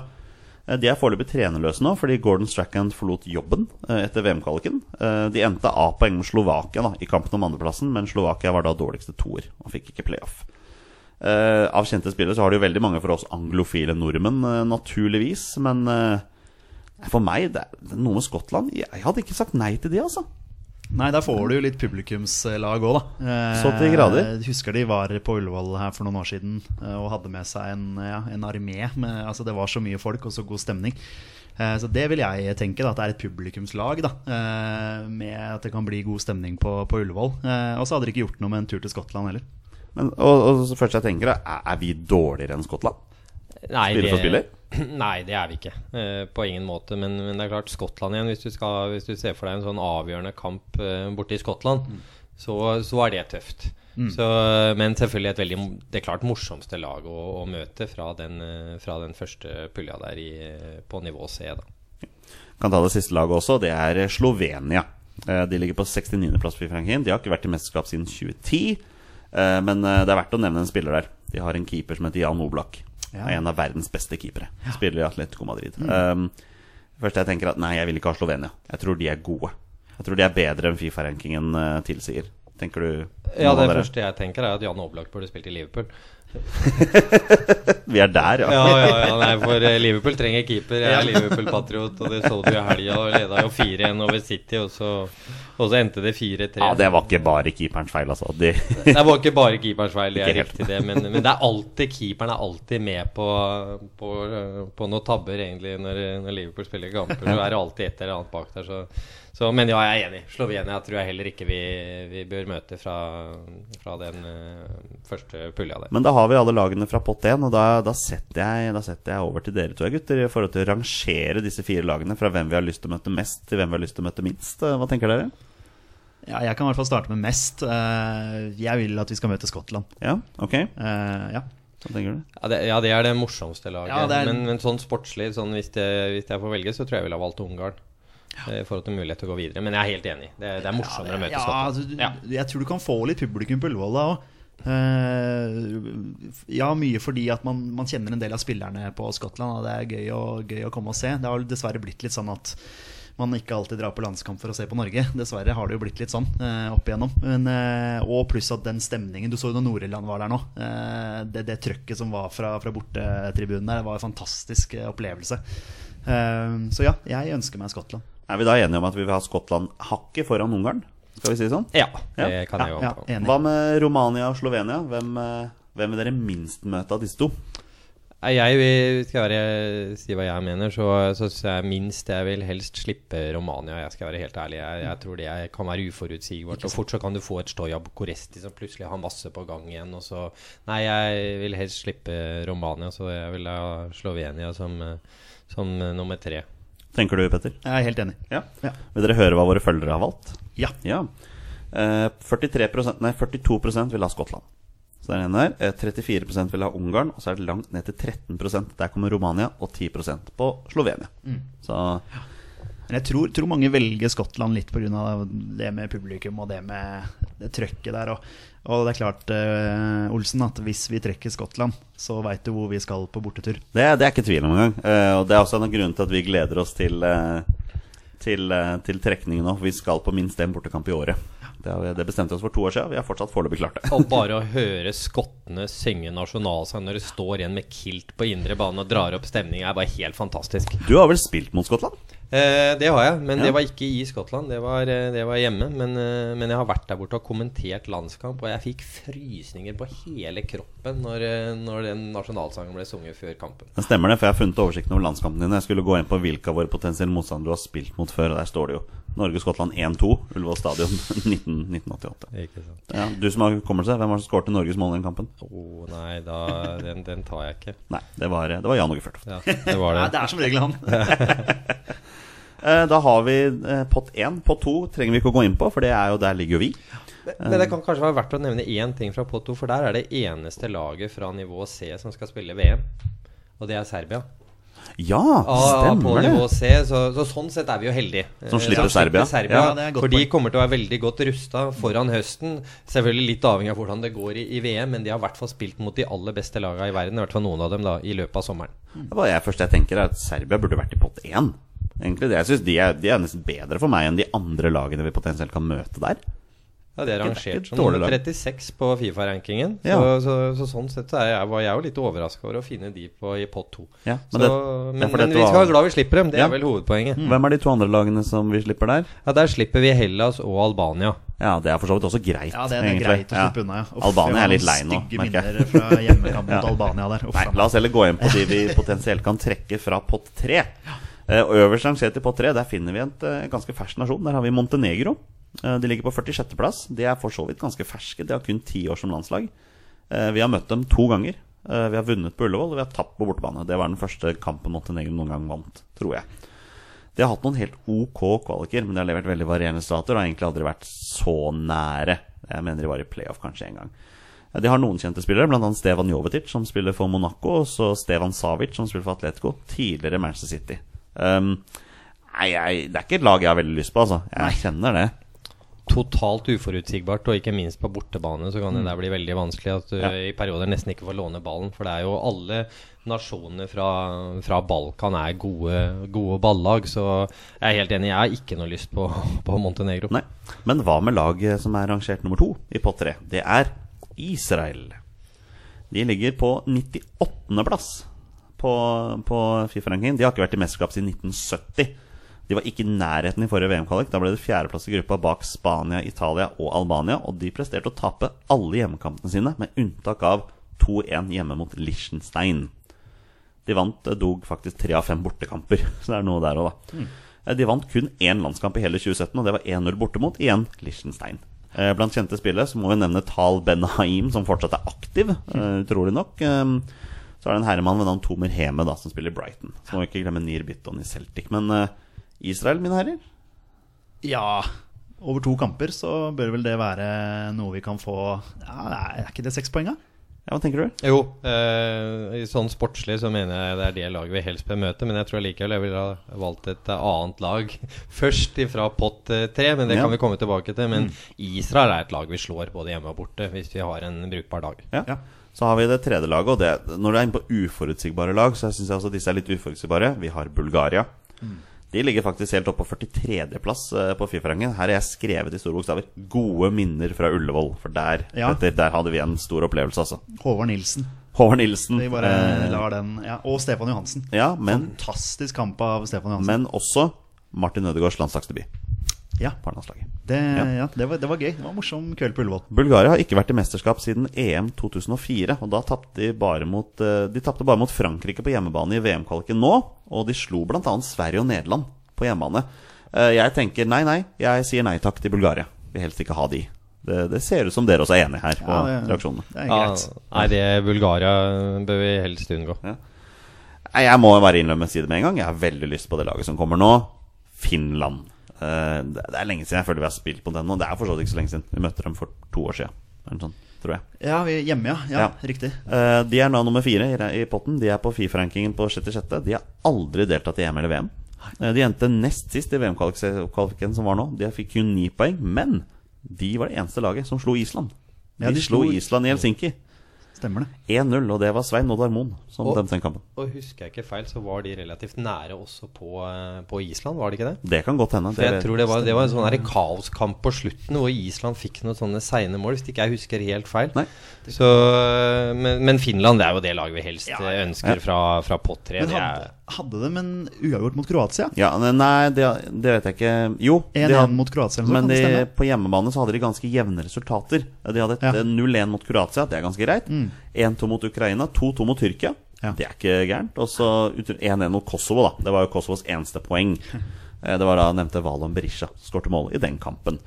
Har jo en del kjente spillere som vi har hørt om. Jona Torvio spiller jo Molde. eh, Riku Riske spiller jo Odd. Timu Pukki spiller jo Brøndby. Spilte Celtic, blant annet. Men eh, nei, jeg, jeg strekker opp hånda og sier at jeg vil ha Finland, altså. Jeg er helt enig. Slaget om Norden. Eh, få en skikkelig sånn eh, nordisk duell der. Det, det har vært veldig kult. Ja, de har faktisk en spiss som har spilt for Real Madrid.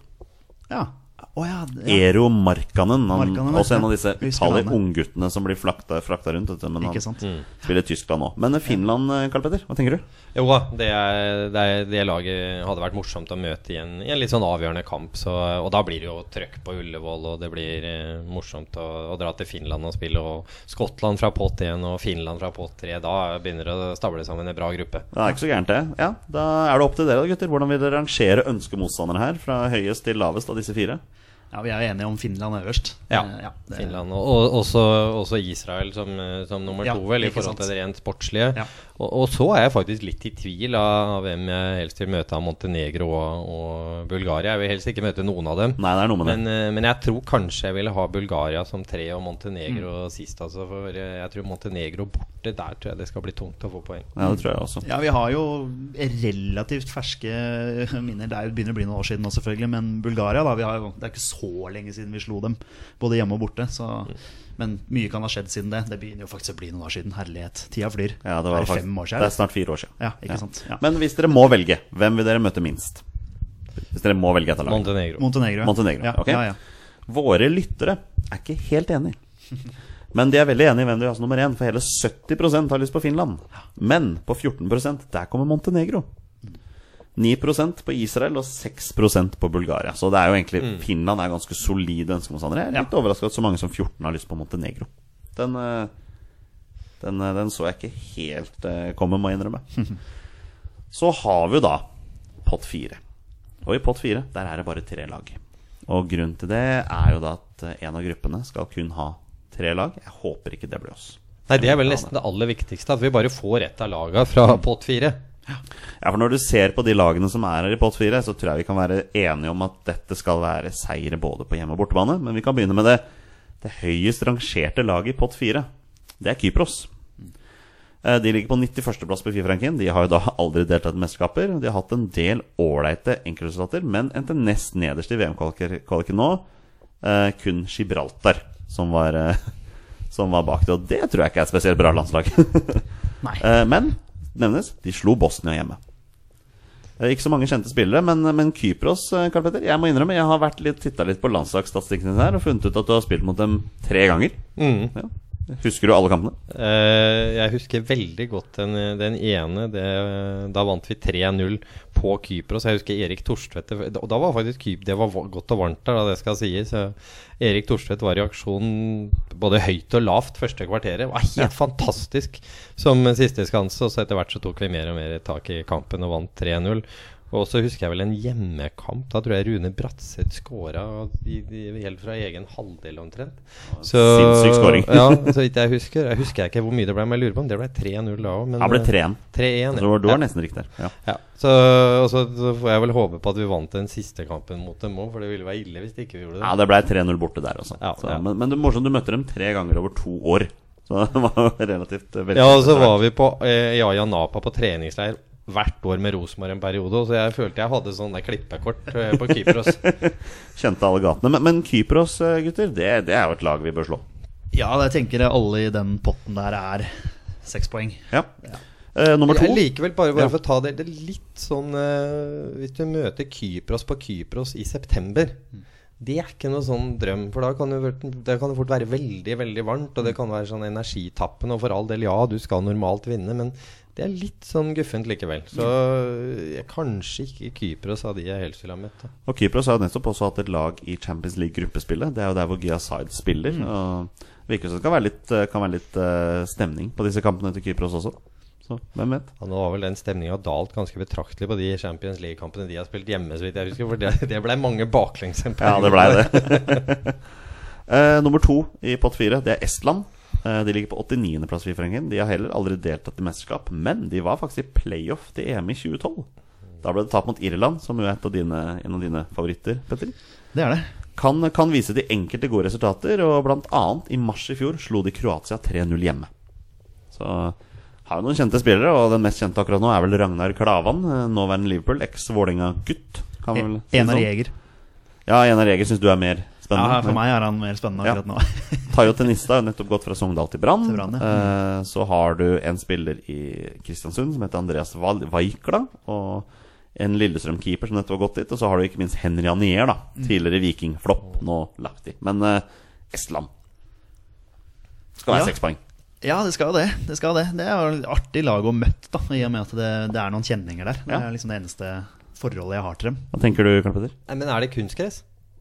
Det vet jeg faktisk ikke. Ja, Et av de, Om det er Litauen eller Estland, det er jeg faktisk litt usikker på. Så det er derfor jeg er litt sånn eh, Jeg lurer på om ikke det er kunstgress. Eh, Det, det er ikke så lenge siden vi møtte Estland i en treningskamp borte. ja, da var det Da gress. ble det tror jeg. 0-0. Nei, jeg tror ikke det er Estland som spiller på, på Nei. kunstgress. Men, men, men jeg tror allikevel jeg, jeg ville heller ha møtt Kypros. Ja. Det tror jeg. Men uh, for Estland har liksom noen gode resultater hjemme. Men jeg er jo helt enig normalt, så vi kan jo ikke vi kan jo ikke undervurdere Norge så kraftig at ikke vi skal vinne over to kamper mot, mot Estland. Nei. Og nå, nå avslørte du litt hvem jeg skulle ha som nummer tre her, da. Men det er jo da Litauen, som er det lavest rangerte laget i divisjon, eh, divisjon C. 149.-plass på Fifa-rankingen. Har aldri delt i et mesterskap og endte nest sist i VM-kvalifiseringen sist, kun med seks poeng. Eh, fikk dog uøvert borte mot Skottland, så der har du den. Ja. Eh, ikke veldig mange kjente spillere, men jeg husker navnet Lukas Spalvis, for jeg husker han var på vei til Rosenborg. Eh, ble ikke noe av overgangen, nå spiller han i Kaiserstateren. Uh, spillerne er veldig varierende. Det er mange som spiller Litauen, men det er også land som Israel, USA, Russland og Skottland her. Men Litauen skal også være seks poeng, slik jeg ser det. Hva tenker dere, gutter? ja, helt enig. Ja, nei, det, det må være seks Ja. poeng. Litauen mener jeg er såpass svake at det er, det er det dårligste laget fra Og de er jo dårligst rangert og da fra pott fire, så, Ja. så sånn sportslig så eh, vil vi helst ha de. Og da når vi satte ut denne avstemningen på Twitter-kontoen vår, så la jo vi til alternativet ingen. At noen vil ha tre lag i gruppa, men kan vi bare være enige om at det er det, det vi vil ha minst? Vi vil ha fire lag. Vi vil ha fire, ja. Absolutt. Da kan dere sette disse opp i rekkefølge, gutter. Hvem vil dere ha mest? Jeg har Estland øverst. Men eh, jeg har skjønt at ikke det funker når Nei, vi møter Finland. her, her er jo denne regelen. Eh, er du også inne med denne regelen nå, Karl Petter? At eh, Norge og Skottland Nei, Norge um, Finland. Finland, Estland og Litauen kan kun ha to av disse lagene i en gruppe. Ja, det er sånn eh, På engelsk så er det 'due to winter venue restrictions'. Ja. Veldig interessant. Så, ja, det er det. Ja. Så da tenker jeg det at det ville vært løsbart, men, men, men sånn er nå reglene. Ja. Så, så da blir det jo ikke Estland, da. Nei, hvis det blir Finland eh, fra pott tre, så, så Ja, nei, men vi får sette Litauen øverst, da. Siden det, det var det dårligste rangerte laget. Og Ja. det definitivt det laget vi skal slå over to kamper. ja. Og så, da? Etter det? De to andre? Hvis du skal få en rangering? Ja, Hva sier du, Karl Petter? Nei, det er, det er hipp som happ. Eh, Jeg var jo litt innom det med klima og varme på Kypros sist. Det er tidlig i september, så eh, Men det er Ja. Det er jo Estland som, som to, da. Ja. Våre følgere var jo veldig eh, Eller ikke veldig tydelige, men 33% sendte Estland som ønskemotstander. Men vi fant jo ut at i og med at Finland var såpass sterkt ønsket av alle, så har vi på en måte dyttet andreplassen opp. Og det var Kypros. Ja. 31% på Kypros og 25% på Litauen. Så der har du den rekkefølgen. Så da kan vi konkludere med at drømmegruppa til Norge i dette mesterskapet, det er Skottland, Finland, Norge og Kypros. ja. Jeg ser for meg muligheter til å vinne den gruppa. Det gjør jeg. Det er alle muligheter til å vinne der, og det hadde jo vært veldig veldig morsomt da, å være sikra noen omspillskamper da, i mars i, i 2020 i forhold til, til neste EM. Så nei, det får vi håpe på. Mens våre følgeres marerittgruppe er da Romania, Norge, Bulgaria. Og ferdig der. Altså ingen flere lag. Nei, sant. Det hadde vært en kjip med Ja, gruppe. den, off. Den har vært tøff, altså. Ai, ai, ai. Kan også bytte Bulgaria med Montenegro. Du hadde fått en kjip gruppe da også. Ja, ja, definitivt. Så nei, jeg er også enig i det. Jeg ser for meg at det er så viktig at vi får fire lag i gruppa. Det er bare i forhold til så mange ting, da. Det kan også være verdt å nevne at i og med at um, I og med at um, det bare At det er en gruppe som har tre lag, da, så kommer nedrykkslagene Kommer til å være de tre nederste pluss det dårligst rangerte trelaget. Så, Så, mm. der har du det. Så det kan også ha noe å si, da, men vi skal jo ikke rykke ned fra divisjon herrer. Nei, nei, nei, nei det, det kommer vi ikke til å gjøre. Det Nei. er jeg helt sikker på. Nei, Vi skal jage opprykk, altså. Vi skal opp, ja, vi jager opprykk. Det må vi gjøre. Bare for å ta det òg. Så sjekka litt. Du hadde allerede snakka om Fifa-rangeringen. Og det er sju foran oss faktisk på Fifa-rangeringen på, på nivå C. Så Det er det, ja. Det er det, faktisk. Ja. Så det er litt interessant. Altså vi skulle gjerne vært litt høyere rangert. Det er jo det vi må jobbe for nå, da, for å få noen litt gode resultater og noen gode opplevelser. Så kan vi begynne å klatre litt ytterligere på, på Fifa-ranking. Men det er ingen lag foran oss på Fifa-ranking fra nivå D, håper jeg. Nei, nei, der er det ingen. Der skal det ikke være noen, så vidt jeg vet. Det hadde vært fryktelig kjedelig. Men, eh, men jeg bare merker når jeg sitter og prater. Jeg gleder meg til trekningen Ja, neste uke. jeg bli veldig gøy. Spesielt for oss som skal planlegge bortetur. Og Ja. ting. Ja. Så det er jo spørsmål, da. Vi har holdt på en time og ti, men er du med på en runde 20 spørsmål før vi avslutter, eller? Det går fint. Da kjører vi på med en runde 20 spørsmål.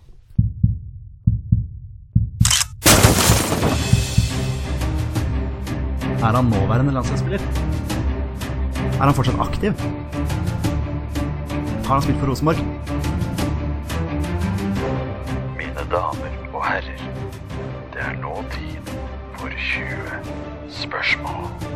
Da er det klart for en av våre favorittaktiviteter her i Bestemenn Studios. Det er 20 spørsmål. Karl Petter, du har vært med på dette en gang før, du, og da ble det seier, altså. Dere, dere klarte det til slutt. Vi får se nå, da. Ja, det blir veldig spennende å se. Tar en, eh, du er jo klar, Petter. Jeg er klar. jeg er klar Ja, ta en kjapp runde med reglene før vi begynner. Eh, Petter og Carl Petter skal da gjennom en runde med 20 spørsmål. Jeg har funnet navnet, jeg har funnet en spiller som har minst én A-landskamp for Norge. Han kan være aktiv, han kan være ikke aktiv. Eh, De har 20 ja- og nei-spørsmål på å finne ut hvem det er. Og bonusregelen her er at når dere først gjetter navnet på en spiller, så har dere vunnet eller tapt. Da er spillet slutt. Så da er det bare å si lykke til, min herre. Vær så god. Nei, Jeg starter, og så spør jeg om han er aktiv. Nei. Nei. Da Uh, har jeg spilt uh, sammen? Ja. Du tok den med en gang, ja. Skal vi, skal vi peile oss inn på en posisjon? Det kan vi gjøre. Ja. Uh, er han angrepsspiller? Nei. Ta neste, du. Er det um, en midtstopper? Nei. Nå ble Petter satt ut litt der. Ja, Han kan jo være midtbanespiller eller, eller back, da. Ja, er han midtbanespiller? Nei. Nei, ok, da er han back. ja, han kan være keeper òg, for så vidt. Ja, det er det han kan, vet du. Så, men, men eh, er det en back? Ja. Ja. Og han er ikke aktiv. En back Eh, på din tid, da du Er, spilte. er, det en, eh, er det en som har spilt utafor Norge? Uh, Nei. Kan jeg bare ta en? Har han spilt for Rosenborg? Ja. En back fra Rosenborg-tiden din, kanskje? Ja. Ikke har spilt utafor, som jeg har spilt sammen med. Hmm, da bare må jeg begynne å gjette, da.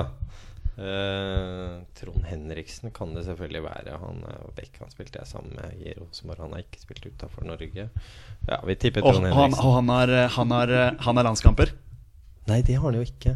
Eller jo, kanskje Trond Må du huske på at dere må ikke gjette navn på en spiller, da. Før Nei, nå, er, nå redda, det er ikke lov, den jeg redda oss litt inn igjen. Jo, det er lov, men da er spillet ferdig. Men da er det ferdig. Ja, ja, sånn, ja, nei, da Jeg, jeg bare lata som du ikke sa det, så jeg bare gikk videre. Jeg, jeg registrerer ikke, Nei, nei, nei, sier vi. nei, nei, nei. Nei, for jeg, har ikke, jeg har ikke Tenkte oversikt bare høyt. Ja, ja, ja, ja, ja, du tenker bare Det var det du gjorde. Jeg har ikke oversikt om Trond Henriksen har landskamper. Det må jeg innrømme. Det... Men er det lettere hvis vi finner ut om han er venstreback eller høyreback? Ja, jeg tror vi må, jeg tror vi må peile inn på noe sånt. Ja. Ja, Er han høyreback? Du, den, eh, den er litt vrien. Okay. Eh, fordi som tidligere, dette har vi basert på eh, posisjonen hans på landslaget. Ja. Og han har spilt eh, mye begge bekker.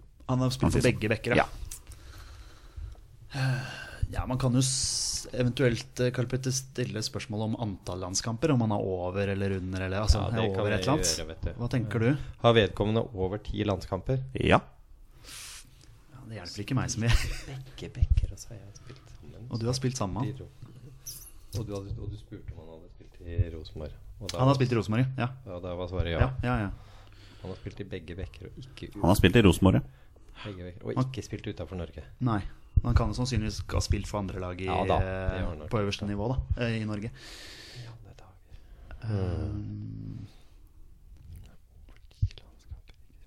Så da er vi mm. Ja, Har vedkommende da spilt i andre norske klubber enn Rosenborg? Ja. Det ringer ikke noe bjelle hos deg. Det er ikke noe du, noen spillere du, du tenker på. Jeg må si at jeg er ganske blank foreløpig. Det her var ikke enkelt. Um, har vedkommende flere seriemesterskap med Rosenborg? Om han har flere seriemesterskap, hva vil du definere som fle flere seriemesterskap? da? To eller flere, da. Eh, ja, det har han.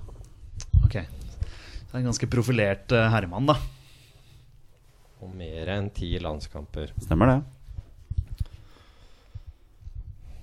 Det går jo an å spørre om når han har fått disse landskampene. Ja, det var det. Uh, ehm, er, er de landskampene fra etter 1995? Uh, tenker du på fra 1995 og fram? Ja, og uh, ja. i nyere tid. Det stemmer. Det er, det også, ja. Det er ti spørsmål. Da er dere halvveis, så dere vet jo en del nå, da. Jeg tenker liksom eh, Han har, ikke spilt, han har bare spilt i Norge, da. Var det det vi Ja, ble enige om? det er han, og det har han. Og han, Oi, har spilt i, han har spilt i eh, andre klubber også. Eh, og han eh,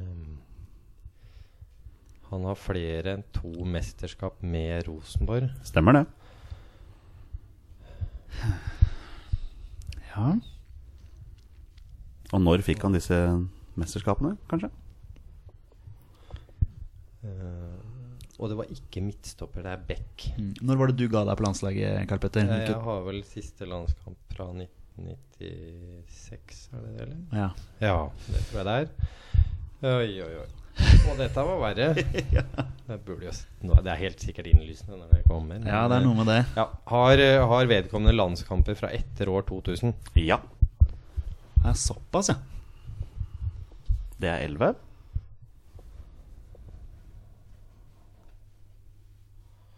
Ja, nå, nå tenker de her, altså, dere. Det ser på to stykker som grubler her. Har vedkommende landskamper i en periode hvor han ikke spilte for Rosenborg? Um, ja. Hvorfor sitter jeg og tenker på Odd Inge Olsen? Hva, hva, hvor, hvor kommer han fra? Det er, han er ikke Beck. Det var han første liksom Han Han, men han spilte ikke jeg sammen med. Nei, ikke sant? Det var liksom Han, kan, han, kan sikkert ikke vært være. Han har sikkert ikke vært i Rosenborg engang. Jeg vet ikke hvorfor jeg kom opp. Jeg måtte bare tenke høyt. Eh, Man kan jo prøve å finne ut hvilke andre klubber han har spilt for, selvfølgelig. Denne spilleren. Det Eh, går an. eh, om vi skal dele det inn i eh, Regioner, Ja. sånn som du liker. Ja. ja. om man skal jobbe seg litt eh. Men han har spilt på landslaget fra altså 90 pluss da, og, og på 2000-tallet. Dere vet jeg har spilt fra 95 og fram, i hvert fall. Ja, sant. Og jeg, da, da bør jo jeg også Og på 2000-tallet. da bør jo jeg også vite hvem dette her er. Mm.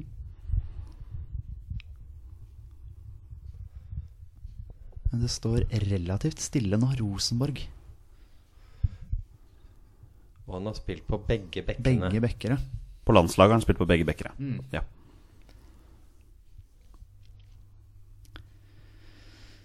Hmm. Og det er jo i en periode hvor det norske landslaget var bra også. Ja. ja, definitivt. Definitivt. Så Jeg tenkte Først så tenkte jeg litt sånn på Vegard Hegge, men Ja, han han har jeg også spilt tenkt på, sant, ja. Det, Ja. det, Han er det ikke. definitivt ikke. Og, og eh, en annen veldig god, god bekk jeg har spilt sammen, som det òg i og for seg Nei, men han har jo bare i Rosenborg av norske klubber. Bjørn Tore Kvarme, ikke sant, som dro ut. og- Ja, så han har jo vært i utlandet. Uh, hvem spilte back på landslaget og mer enn ti kamper? Ja. Gikk vedkommende til en klubb på Østlandet? Eh, hva, hva tenker du på nå? Ja, vi, I Norge spilte vedkommende for en klubb på Østlandet i tillegg til Rosenborg. Ja. Så da kan det være altså Lillestrøm, Vålerenga, Stabæk Strømsgodset. Strømsgodset. Du har jo spilt for Stabæk, Karl Petter. Jeg har det. Um, Kan det være en Stabæk-link her? En eh, Rosenborg-Stabæk-link? Karl Petter Løken, Rosenborg-Stabæk, en eller annen Ja, Nå bare hvem tenker jeg høyt, Andre, men, hvem andre skulle det ha vært? Det er jo flere som har gått mellom de to klubbene, men eh, Skal vi se Det er en ganske kjent herremann, dette her. Bare, det står jo helt fast. Han har vunnet seriegull med Rosenborg også. Stemmer det? Spurte vi om han hadde vunnet, uh, vunnet med en annen klubb. Det, det er jo ikke så veldig mange andre som vant på den tida. Så i ikke seriegull. nei det, Så vi har det ikke spurt om det. Men uh, om, men eh, Kan si som dere har syv spørsmål igjen, da. Og innafor de syv spørsmålene må du gjette navn på spiller, så det kan jo si dere har seks spørsmål igjen. Så dere har en del spørsmål ja, i forhold til å lure ned her. vi veit at han har spilt for en østlandsklubb. Mm. Um. Og det er jo ikke veldig mange å velge i. Det er fire. Er det ikke det? Det er ikke noe flere enn de på da, den tida. Eller Lyn har du kanskje så vidt. ja, sant. Lyn. Mm.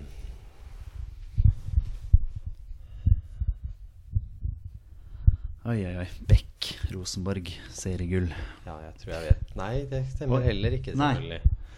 Nå tenkte jeg at jeg kunne hatt det, men eh, det kunne ha vært Bergdølmo. Men han har jo spilt ute Han har i Dortmund, eh, i så det går jo heller ikke. Men han har jo liksom Lillestrøm og Rosenborg, og Ja, André kom jo til ja. Rosenborg når jeg dro. Ja, det, det hadde passa bra, kunne, faktisk. Det ja, ja. kunne ha vært. Definitivt. Og han har spilt på begge bekkene, så det var, der var det mye Ah. som passa. Hvis dere prøver å finne ut hvilken østlandsklubb det er snakk om, da? Ja, altså, jeg, jeg tenker liksom Som, som Vålerenga-supporter så prøver jeg liksom å tenke hvem, hvem kunne det vært, som da har spilt for både Vålerenga og Rosenborg, og spilt på bekken og vært på landslaget. Og hva kommer du fram til da? Nei, da står det ganske stille igjen, altså. Når jeg bare ser for meg at det ikke er en Vålerenga-link. Hvem skulle det vært? Nei, du får prøve, du nå. Eh, prøver meg på eh, østlandsklubben. Har han spilt for Stabæk? ja.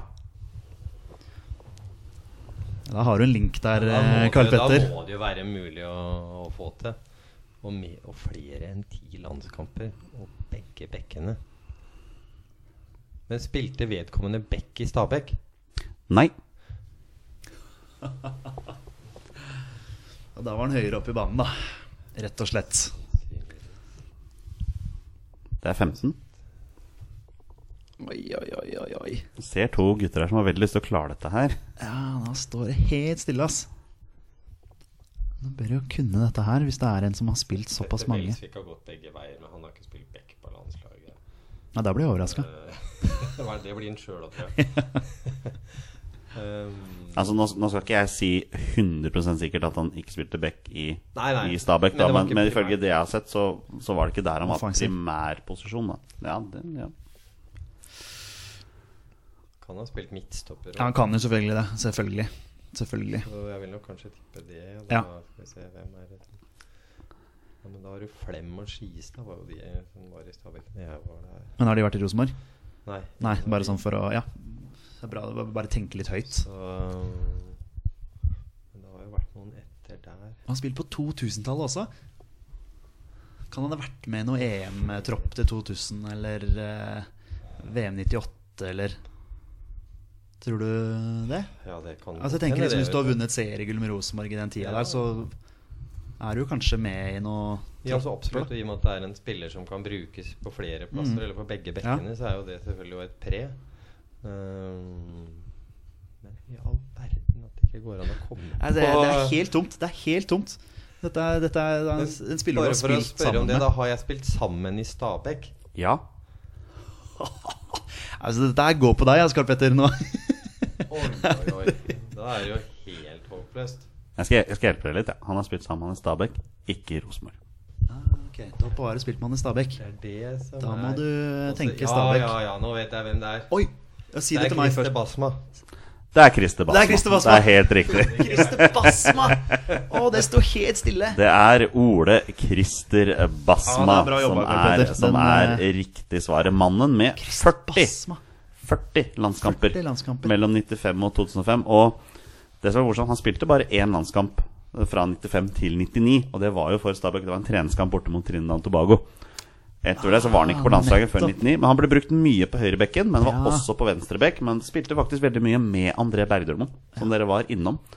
Eh, Bærum-gutt. Eh, dro til Kongsvinger i 93 og spilte der to sesonger. Dro så til Stabæk. Eh, spilte der fra 95 til 98. Og så en bærebjelke i Rosenborg i ti år, da. Med 225 kamper og fem mål. Han hadde, han hadde 40 landskamper, sa du? 40 landskamper.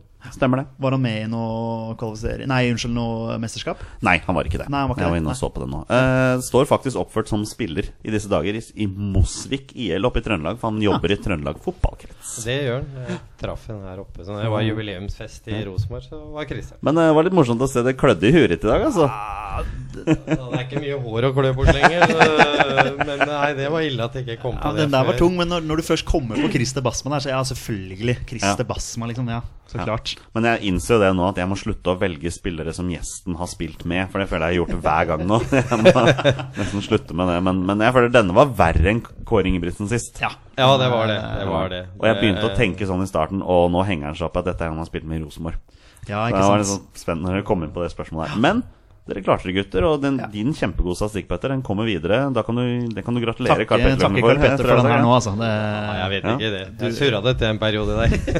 Men eh, nå som vi nærmer oss slutten, Karl Petter, er, er du fornøyd med kvelden, eller? Veldig bra. Det er morsomt. Og også fikk, det ga meg jo en veldig god anledning til å lese meg opp ordentlig på, på Nations League, og, Ja. som blir veldig veldig spennende. Blir veldig og som Noe vi gleder oss til alle Ja. sammen. Og, så vi slipper de her treningskampene og vi liksom lurer på om vi helt tatt skal skru på TV-en. Og i hvert fall i annen omgang hvor det da kommer 40 bytter. Mm. Så, så Nei, det er veldig bra. Det her er en, blir en nyvinning. Og, men så er det jo noe å glede seg til sommeren før den tid, da. Det skal jo sies. Ja, vi, altså, vi, vi må være såpass ærlige og si at vi gleder oss til VM. Selvfølgelig gleder oss til VM. Vi gjør det, vi gjør det. Um, og for, for det fotballmessige, selvfølgelig. Definitivt. Altså, det som skjer politikken og sånne ting. Jeg føler at Som fotballsporter så må man tenke på det som skjer på banen. Altså. Ja, da ja. blir det mye gøy. Vi, vi, vi frikobler det når det er mesterskap. Da, da konsentrerer vi oss om det sportslige, og det blir fantastisk. Det blir, det blir kjempegøy. Og hvilket nordisk land tror vi kommer til å gjøre det best da i det mesterskapet? Vi har jo faktisk utrolig nok tre med der. Så. Nei, altså jeg må jo si at jeg må heie litt, jeg heier litt på Åge Hareide, altså. Jeg må innrømme det. Ja. Det er eh, Og håper han kommer seg til mesterskapet. da Han sliter jo visstnok voldsomt med ryggen nå, har, jeg, har jeg lest. Stemmer det. Så er det noe inne der, Men det blir jo gøy med Frankrike-Danmark blant annet. Da. Kan, jo- kan det bli en hit. Men jeg må innrømme, jeg gleder meg litt til Argentina og Island. Ja da, ja da, men Island, Island. eh, Island får det jo veldig, veldig tungt. Mm, De har Argentina, Kroatia og Nigeria i den gruppa der. Altså, den, er, den, er, den er brutal. Det, det blir håpløst, det, det tror jeg nok. Men, men allikevel, det blir, det blir morsomt. Men jeg tror nok Danmark er det laget som har størst mulighet, og er det laget som liksom de, de viste en ekstra dimensjon i omspillskampene som, eh, sånn her i høst, i fjor høst. Det var en kjempeprestasjon. Så, så, og så har de en klassespiller i Christian Eriksen, så hvis han har flyt i det mesterskapet, så kan det bli litt som, som det mesterskapet Zlatan hadde i Polen og Ukraina, som var kjempebra. Da var Ja. På sitt aller, aller beste. Og kanskje vi kan se en Christian Eriksen på det nivået til sommeren. Ja.